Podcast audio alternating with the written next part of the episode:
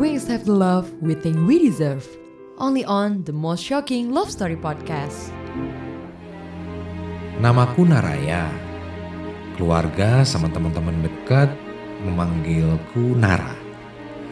Banyak yang bilang aku tuh beruntung. Aku dilahirin dari keluarga pengusaha yang, well, sangat mapan lah. Aku itu sulung dari dua bersaudara. Adik aku perempuan. Bokapku datang dari keluarga pengusaha besar yang warisin dia puluhan perusahaan.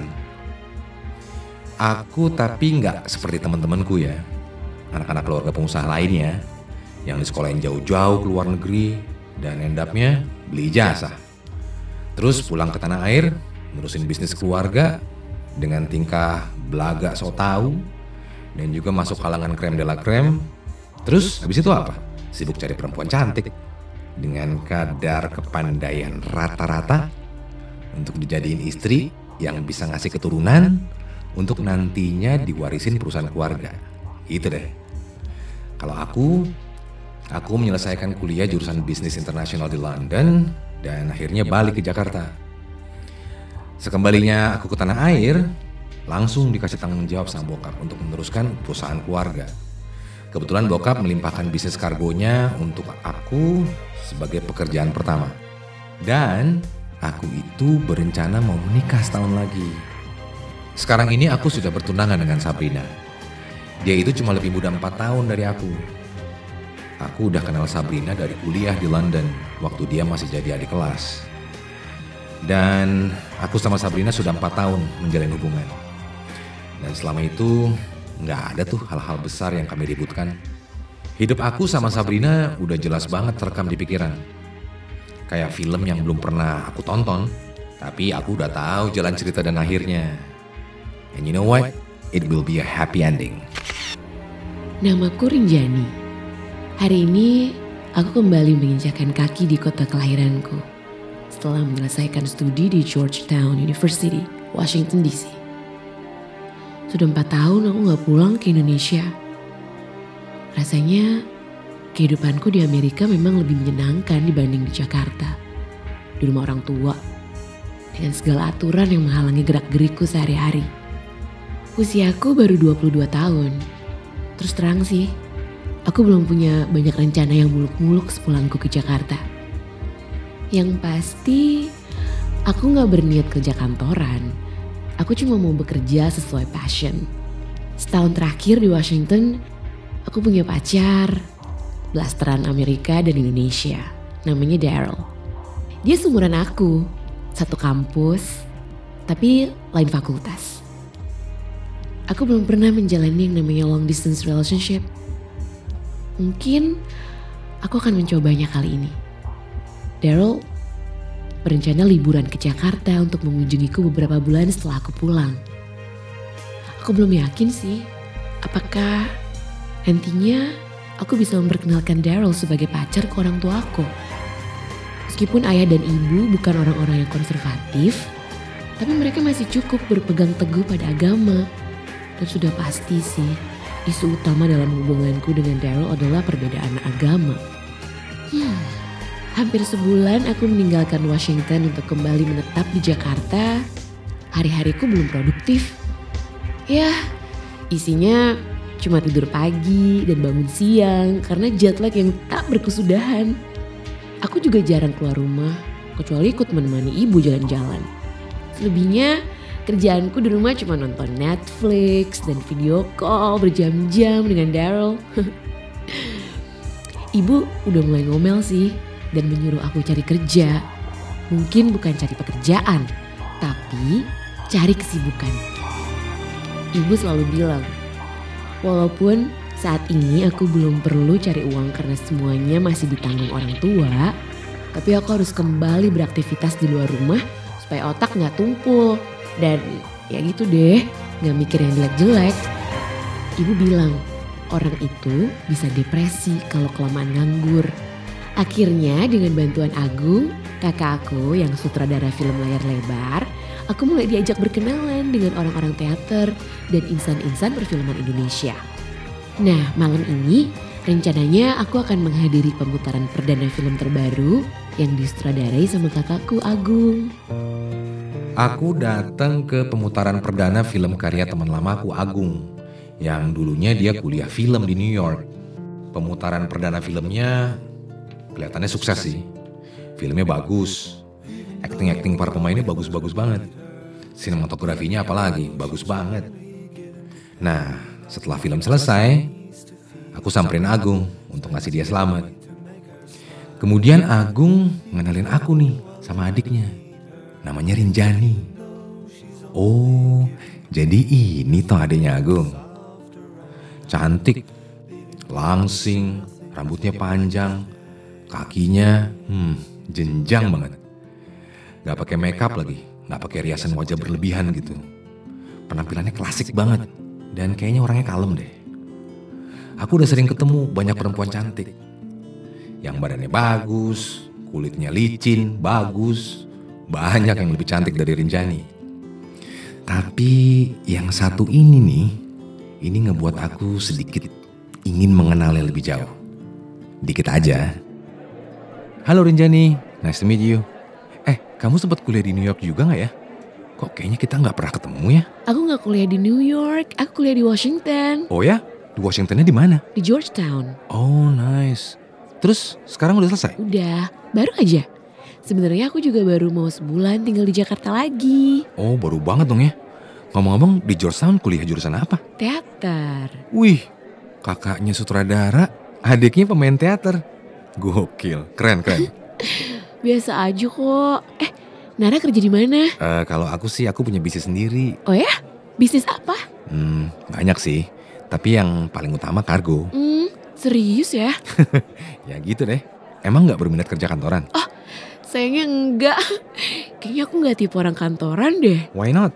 Baru aja aku menawarin kamu kerjaan. Really? That's very nice of you. Kenapa nggak mau kerja kantoran? Well, I just think office hours kind of boring. No offense. Dan kebetulan emang nggak nyambung sama kuliah aku dulu. Right. Well, anyway, ini kartu nama aku. If you change your mind one day, feel free to call me ya. Gak lama kemudian aku pulang. Sisa malam itu, Rinjani masih lekat di pikiranku. Gila sih. Aku lolos casting sebagai pemeran utama film terbaru yang disutradarai temen kakakku. Aku gak meragukan kemampuanku sendiri sih, bukannya sombong. Tapi beberapa tahun menempa diri di sebuah universitas bergengsi dengan jurusan teater di Amerika, rasanya cukup masuk akal kan ya untuk menjadi aktris yang potensial. Aku akan membuktikan kalau gak semua perempuan cantik itu actingnya jelek. You just can't stereotype people all the time, right? Syuting pertama dimulai bulan ini. Hari-hari pertama syuting terlewati dengan melelahkan. Jet lag udah lupa. Dan aku mulai sering sampai rumah di pagi hari. Aku mulai jarang video call dengan Daryl karena kesibukanku. Seringkali akhirnya aku hanya mengirim WhatsApp untuk ngabarin aku lagi ngapain atau ada di mana. Minggu ini aja jadwal syutingku di Surabaya. Rencananya syuting akan berlangsung tiga hari di kota ini. Hari pertama, syuting di Surabaya selesai jam 11 malam. Sampai di hotel tempat aku menginap, baru aja mau melangkah menuju lift, tiba-tiba ada yang manggil. Oh, it's that guy again from the premiere. Hai, Hey, Nara kan? iya. Wah, nggak lupa lo ternyata. Lagi ngapain di Surabaya? Aku lagi syuting film. Wah, selamat ya. Film apa? Film drama gitu deh, untuk layar lebar. Kamu lagi sibuk apa di Surabaya? Aduh, aku sih harus tinjau pabrik nih, sekalian meeting sama klien. Kamu kapan balik ke Jakarta? Kalau sesuai jadwal sih lusa aku udah balik ke Jakarta. Oh, oke oke. Biasanya emang kalau selesai syuting jam-jam segini terus ya? Nggak tentu sih, kadang bisa lebih cepat, kadang bisa lebih malam. You wanna hang out? Well, whenever you're free, while we're here in Surabaya. Hmm, yeah, sure. Only when you're free loh ya. By the way, aku boleh minta nomor WhatsApp gak sih? Boleh. Siapa sangka sih aku bisa kembali ketemu Rinjani? Di luar kota pula. Kebetulan banget nih. Apa ini tanda-tandanya bahwa aku emang sengaja dipertemukan lagi ya? Setelah dua bulan aku nggak dengar kabar lagi tentang dirinya, nggak berusaha cari tahu tentang dia juga. Kali ini, sepertinya aku ada alasan nih untuk nanya nomor WhatsApp. Ngajak Rinjani ketemu lagi bukan hal yang gampang sih. Aku nggak tahu nih apa dia ngerasa segan karena aku teman kakaknya, atau karena dia tahu aku udah tunangan kali ya, atau karena dia emang lebih mentingin waktu untuk dirinya sendiri. Aku tidak bertemu Rinjani lagi di Surabaya. Setibanya di Jakarta, hari-hari aku dipenuhi oleh imajinasiku sendiri tentang Rinjani. Uh, sibuk banget cari cara gimana supaya bisa ketemu dia lagi. Tanpa ninggalin kesan bahwa aku begitu inginnya ngobrol atau interaksi sama dia. Cara yang paling aman untuk mendekati perempuan tanpa harus berkesan menakutkan mungkin lewat tulisan. Hampir tiap hari loh aku WhatsApp dia. Setelah lewat beberapa kali pembicaraan, aku tahu nih kalau Rinjani lagi ngejalanin hubungan jarak jauh sama pacarnya namanya Daryl yang ditinggalkan Rinjani di Washington. Dan aku ngakuin sih kalau aku telah bertunangan dan mau married tahun depan. Di usianya yang masih muda ini Rinjani kayaknya belum mikirin percintaannya dengan serius deh. Dia belum mau mikirin pernikahan atau apa pun yang mengikat dirinya secara permanen. Hmm, eh, tunangan kamu tahu gak sih kalau kamu sering ngobrol sama aku? Nggak tahu. Emang kenapa dia harus tahu? Ya pasti dia marah ya kalau tahu kamu berteman sama aku. Mungkin nggak marah sih ya kalau tahu kita berteman. Tapi marahnya karena kita sering ngobrol. Hmm, beda ya? Temenan sampai sering ngobrol. Beda lah. Kalau temen kan belum tentu ngobrol tiap hari. Kalau sering ngobrol, bisa dibilang teman dekat kali ya. Aku nggak mau cari masalah. Oh, kamu bukan masalah. Aku cuma seneng aja ngobrol sama kamu. Ya tapi kan orang bisa mikir macam-macam kalau tahu. Orang nggak perlu tahu kan. Kan cuma kita yang tahu arti pertemanan kita. Rinjani yang naif. Menurut kamu laki-laki nih, nggak ada persahabatan murni antara pria sama perempuan straight. True friendship only happens between men and women if one of them is gay. aku nggak tahu sih apa Rinjani nyadar bahwa aku tertarik sama dia. Mungkin dia sadar, mungkin dia nyangkain aku cuma iseng. Atau mungkin dia pikir aku cuma butuh teman ngobrol dan kebetulan dia enak diajak bicara. Dia nggak tahu sih kalau dia udah bikin aku penasaran.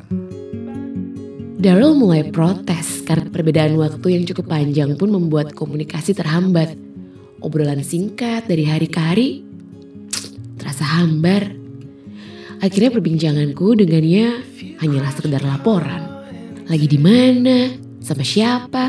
Udah makan apa belum? Udah tidur apa belum?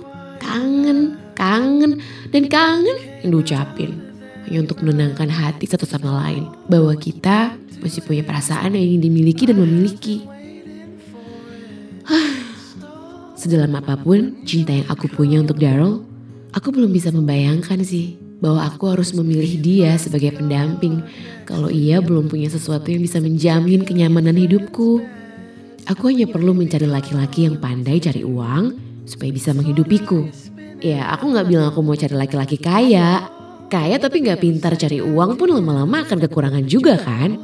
Aku rasa di zaman sekarang ini gak ada perempuan yang mau hidup dengan laki-laki yang hanya menawarkan cinta. Orang tuaku gak pernah tahu kalau aku sebenarnya sudah punya pacar.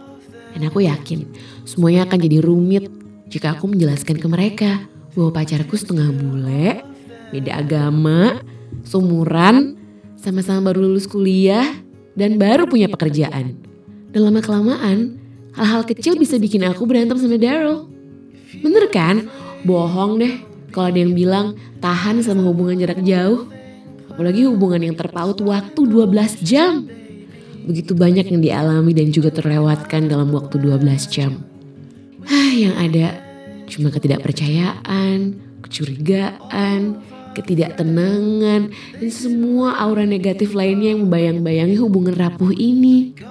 Aku pikir aku mencintai Daryl, tapi ternyata aku gak peduli setelah jauh dari dia. Aku hanya berpikir aku harus melakukan sesuatu untuk menyenangkan diriku. Bukan Daryl, bukan orang lain, hanya aku. Setelah tiga bulan ngobrol intens sama Rinjani, akhirnya aku dapat kesempatan untuk ketemu dengannya. Lunch date lagi, if I may call it. Aku cuma punya waktu satu jam nih untuk makan siang sama Rinjani. Karena beberapa janji meeting berikutnya sudah menunggu. Tapi Rinjani datangnya telat. aku jadi cuma punya setengah jam untuk dihabiskan bersama Rinjani. Maaf ya aku terlambat, kesiangan bangun. Eh nggak apa-apa lagi. Kamu nggak syuting kan hari ini? Enggak, hari ini aku libur. Kamu sibuk ya hari ini? Iya nih setengah jam lagi aku harus pergi meeting. Duh, maaf ya. Kamu jadi harus buru-buru gini. Oh nggak apa-apa, aku yang maaf. Kalau aku nggak ada meeting pasti aku bisa lebih lama di sini. By the way, you look good deh. Oh, thank you. Hari ini mau ngapain aja rencananya? Aku belum punya rencana apa-apa sih, selain janjian makan siang sama kamu. Hmm. So, how are things? Is everything okay? Yes, everything's good. Boyfriend okay? Hmm, not really on that matter. Oh ya, kenapa? Ya biasalah, long distance.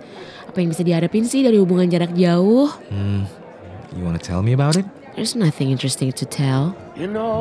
Lagi-lagi Rinjani dengan kemisteriusannya. Dan aku tuh cuma bisa ngeliatin dia berharap ada banyak cerita yang bisa keluar dari mulutnya. Berharap aku tuh bisa menghentikan waktu gitu ya. Dan ada di tempat ini bersama Rinjani berjam-jam gitu. Tanpa harus mikirin soal kerjaan, soal meeting, apalagi soal status aku yang sudah tunangan. Aku tapi nggak seharusnya berada di sini. Nggak seharusnya berteman sedemikian akrab dengan Rinjani. Nggak harus. Rinjani itu perempuan muda yang mandiri. Tapi aku tuh ngerasa aku harus ngelindungin dia. Aku mau banget ngebuat dia senang. Aku mau membuat dia berpikir kalau cuma aku nih yang bisa ngerti Rinjani.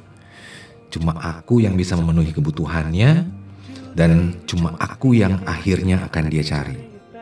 Rinjani akan nyari pria dewasa mapan yang jauh lebih tua darinya. Bukan pria seumuran yang baru meniti karir, baru mimpi akan membuatnya bahagia dengan memberinya banyak anak. Bukan, bukan itu yang dibutuhin Rinjani. Oke, bulan depan Daryl akan datang ke Jakarta.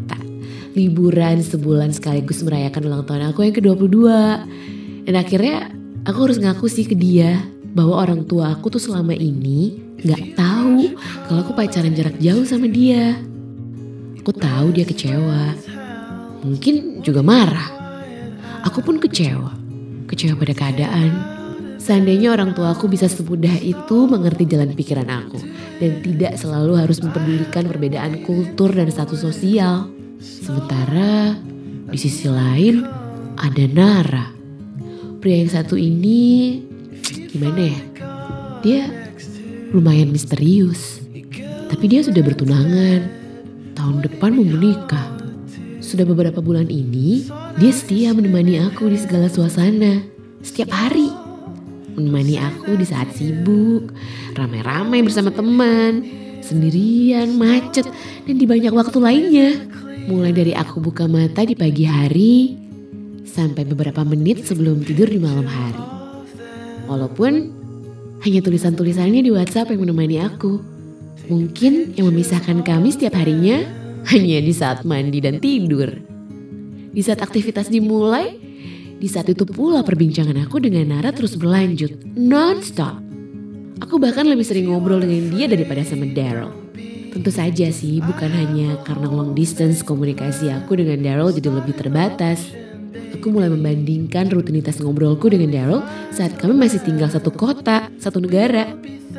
Dulu pun ya, seingat aku, gak pernah tuh ngobrol sama Daryl sesering ini.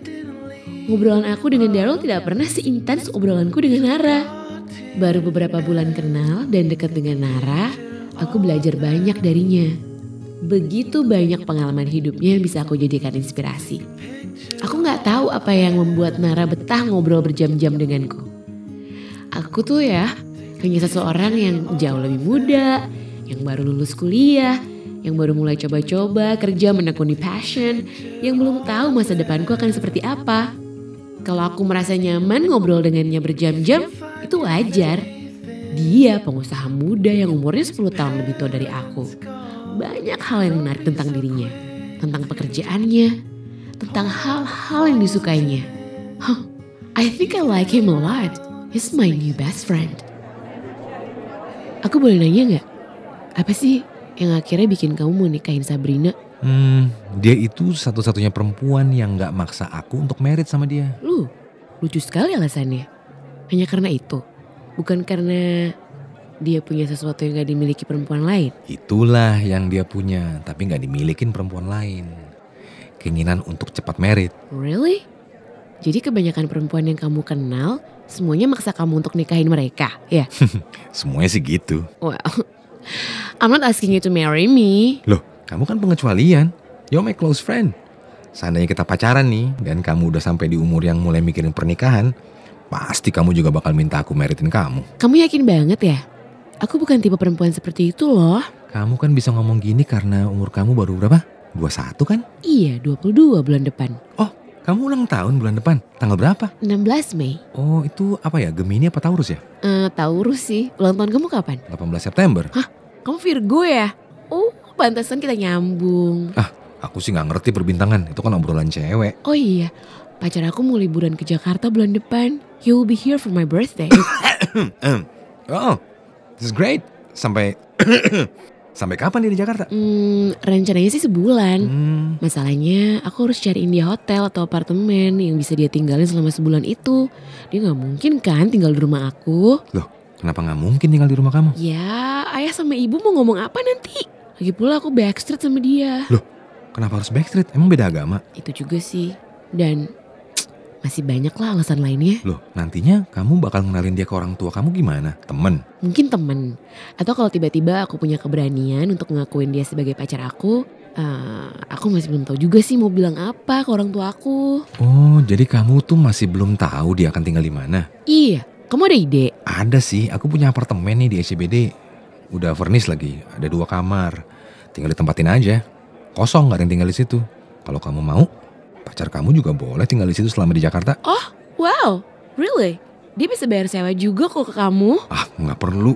Aku punya apartemen itu memang bukan buat disewain. Pakai aja selama yang kamu butuhin. Oh, I don't know what to say. Just say yes. Thank you so much. My pleasure, Injani. Apakah nanti aku akan menyesali keputusan aku ya minjemin apartemen buat pacarnya? Duh, apakah nanti aku akan cemburu kalau aku tahu Rinjani bakal sering nginep ngabisin waktu dengan pacarnya di apartemenku lagi. Seharusnya kan dia menghabiskan hari-hari di apartemen itu bareng aku. Kok malah sama pacarnya ya? Daryl tiba di Jakarta dua hari sebelum ulang tahun aku. Kebetulan, aku telah menyelesaikan keseluruhan syuting filmku. Aku menjemputnya di bandara dengan kunci apartemen Sudirman Mansion milik Nara. Di sepanjang perjalanan menuju apartemen, Daryl udah sibuk bertanya-tanya tentang siapa pria baik hati yang mau meminjamkan apartemennya tanpa dibayar ini. Ya udah aku cuma bilang Nara itu temen kakak aku. Ketika akhirnya kami tiba di apartemen yang tidak ditinggali itu, Daryl lebih bertanya-tanya lagi karena apartemen dua kamar ini punya lift pribadi dengan interior mewah dan perabotan kelas premium.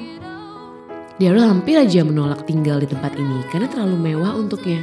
Dan dia gak mau dianggap memanfaatkan fasilitas orang secara cuma-cuma. Namun aku bersikeras meyakinkan dirinya bahwa apartemen ini bukan untuk disewakan. Apartemen ini sebelumnya hanya tempat nganggur yang hanya sekali-sekali didatangi Nara. Daryl mulai dengan pertanyaan-pertanyaan seperti apa sih pekerjaan Nara? Bagaimana dia bisa memiliki aset seperti ini kalau dia bukan anak orang kaya? Apakah dia sudah menikah atau belum dan sebagainya dan sebagainya. Hah, semua keingintahuannya dia aku jawab selengkapnya sih. Tanpa ada yang aku tutup-tutupi. Bahwa Nara adalah teman baikku. Dia sudah bertunangan dan aku sering ngobrol sama dia. Aku tahu Daryl berusaha menyembunyikan ekspresi heran bercampur tidak suka saat aku bilang sering ngobrol dengan Nara. Gimana ya, aku hanya gak ingin membohonginya. Dia selalu bilang gak mau dibohongin. Aku gak merasa tindakanku ngobrol setiap hari dengan Nara itu salah. Jadi aku merasa gak ada yang harus disembunyikan dari Daryl. Nara kan cuma teman baik. Aku dan Nara gak pernah melakukan hal-hal yang aneh-aneh atau gak sewajarnya.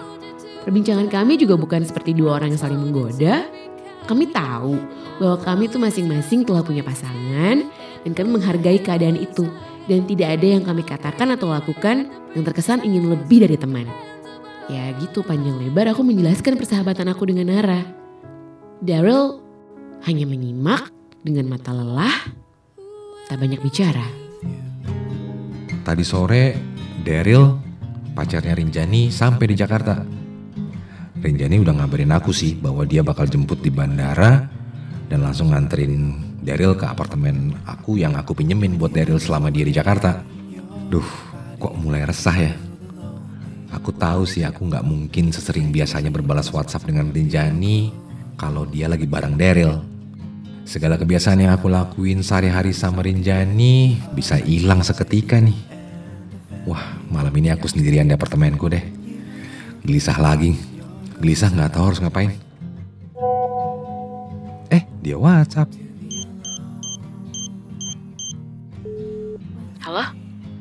Kamu lagi nggak sama Sabrina ya? Eh, enggak kok. Lagi mau nonton Netflix nih sebelum tidur. Ada apa? Are you okay? I'm fine. Aku baru sampai rumah. Daryl udah aku tinggal di Sudirman Mansion. Good, good, good, good. Eh, by the way gimana Daryl? Dia suka nggak apartemennya? Suka lah. Malah sebenarnya apartemen itu terlalu mewah buat dia katanya. Dia nggak enak tinggal di situ tanpa bayar. He said thanks though. Ah, don't mention it. Yang penting dia nyaman dan juga dia betah di situ. Thank you. You're just too kind. Well, that's just what friends are for. Eh kamu akan datang gak sih ke acara ulang tahun aku? Aku ngadain makan-makan di Montis. Teman-teman deket aja. Eh, aku usahain datang ya. Eh kamu ngajak Sabrina aja ya. Sekalian kenalin sama aku dan Daryl. Duh, kayaknya aku nggak bisa deh ngajak Sabrina. Kenapa? Dia nggak tahu aku temenan deket sama kamu. Kalau tiba-tiba aku ajak dia ke ulang tahun kamu, pasti banget tuh dia bakal nanya kenapa aku harus datang. Aku kan temenan sama abangmu, bukan sama kamu. Pasti dia bingung dan dia mikir aneh-aneh gitu nanti. Oh, baiklah. Terserah kamu kalau gitu. Besok kamu rencananya apa? Hmm, jalan-jalan sama Daryl sih yang pasti. Sebulanan ini aku akan bareng dia terus. Hmm, I know. Tapi kita akan terus ngobrol kan kayak biasa. Ya, kalau itu yang kamu mau. Aku cuma nggak mau ganggu kalau kamu lagi sama dia aja sih. Kok gitu sih mikirnya? Ya jelas nggak ganggu dong. Good then. Aku senang kalau kamu mikir aku nggak ganggu. Nara besok kamu kerja ya? Sibuk? Ya, kayak biasanya lah. Aku nggak mau ganggu waktu tidur kamu deh kalau gitu. Ngobrolnya lanjut besok aja ya. Hari ulang tahunku. Daryl udah gak sabar ingin berkunjung ke rumahku. Aku bilang nanti aja, kenapa harus buru-buru? Kan masih banyak waktu. Pagi-pagi aku sudah dikejutkan oleh sebuah bungkusan kado yang besar di meja makan. Wah, pasti itu kado ulang tahun dari Daryl. Ada kartu di luarnya. Happy birthday Rinjani, I hope you like it. Naraya. Aduh, bukan Daryl lagi. Aku buka bungkusan itu. Dan isinya membuat jantungku rasanya meluncur ke perut. Tas tangan yang cantik berwarna hitam klasik. Chanel! Rasanya ini semua terlalu berlebihan. Belum pernah ada orang yang memberiku hadiah semahal ini. Aku pernah dikasih hadiah mahal sama Daryl dan juga mantan-mantanku. Tapi yang semahal ini belum pernah. Aku tuh sibuk cari waktu untuk nyempetin mampir sih ke acara ulang tahunnya Rinjani di salah satu restoran di daerah Senopati itu. Nah kebetulan ulang tahunnya jatuh hari Jumat. Dan biasanya itu Jumat adalah hari tersibuk banyak orang. Dan juga kita tahu Jumat itu hari paling macet di Jakarta apalagi menjelang jam pulang kantor. Nah sesampainya di sana langsung disambut Rinjani. Dia pakai gaun hitam lagi. Cantik, klasik. Dan dia langsung kenalin aku sama Daryl. Pacarnya yang setengah bule, rambut coklat, matanya biru, tinggi gede, wajah dingin. Malam itu tapi aku nggak banyak ngobrol sama Rinjani. Dan aku juga berusaha nggak terlalu sering mencuri pandang waktu dia ketawa, nanggapin lelucon teman-temannya. Waktu si jagoan bulenya memeluk bahunya, megang tangannya, menatap Rinjani dengan penuh kebanggaan dan kekaguman. Sementara beberapa teman Rinjani malah sibuk ngajak aku ngobrol, yang ujung-ujungnya cari lowongan kerjaan. Aduh, sambil ngebagiin kartu nama aku ke teman-temannya yang minta, aku lirik aja Rinjani dan Daryl di ujung meja sebelah sana. Well, mereka terlihat bahagia sih. Meskipun aku tahu Rinjani juga sesekali curi-curi pandang ke arah aku. Ya well, mungkin muka aku nggak setampan si jagoan bulenya.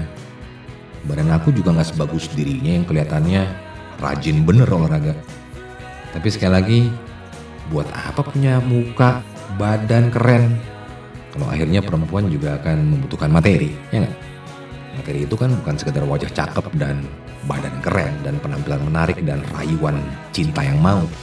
Materi itu artinya bisa membahagiakan perempuan sampai cukup untuk tujuh keturunan. Aku nggak yakin Daryl bisa ngasih itu ke Rinjani dalam beberapa tahun ke depan. Ya udah, habis itu aku pamit deh. Dua hari setelah ulang tahunku, akhirnya aku memberanikan diri mengajak Daryl ke rumahku yang tentu saja mengundang pertanyaan dari ibuku.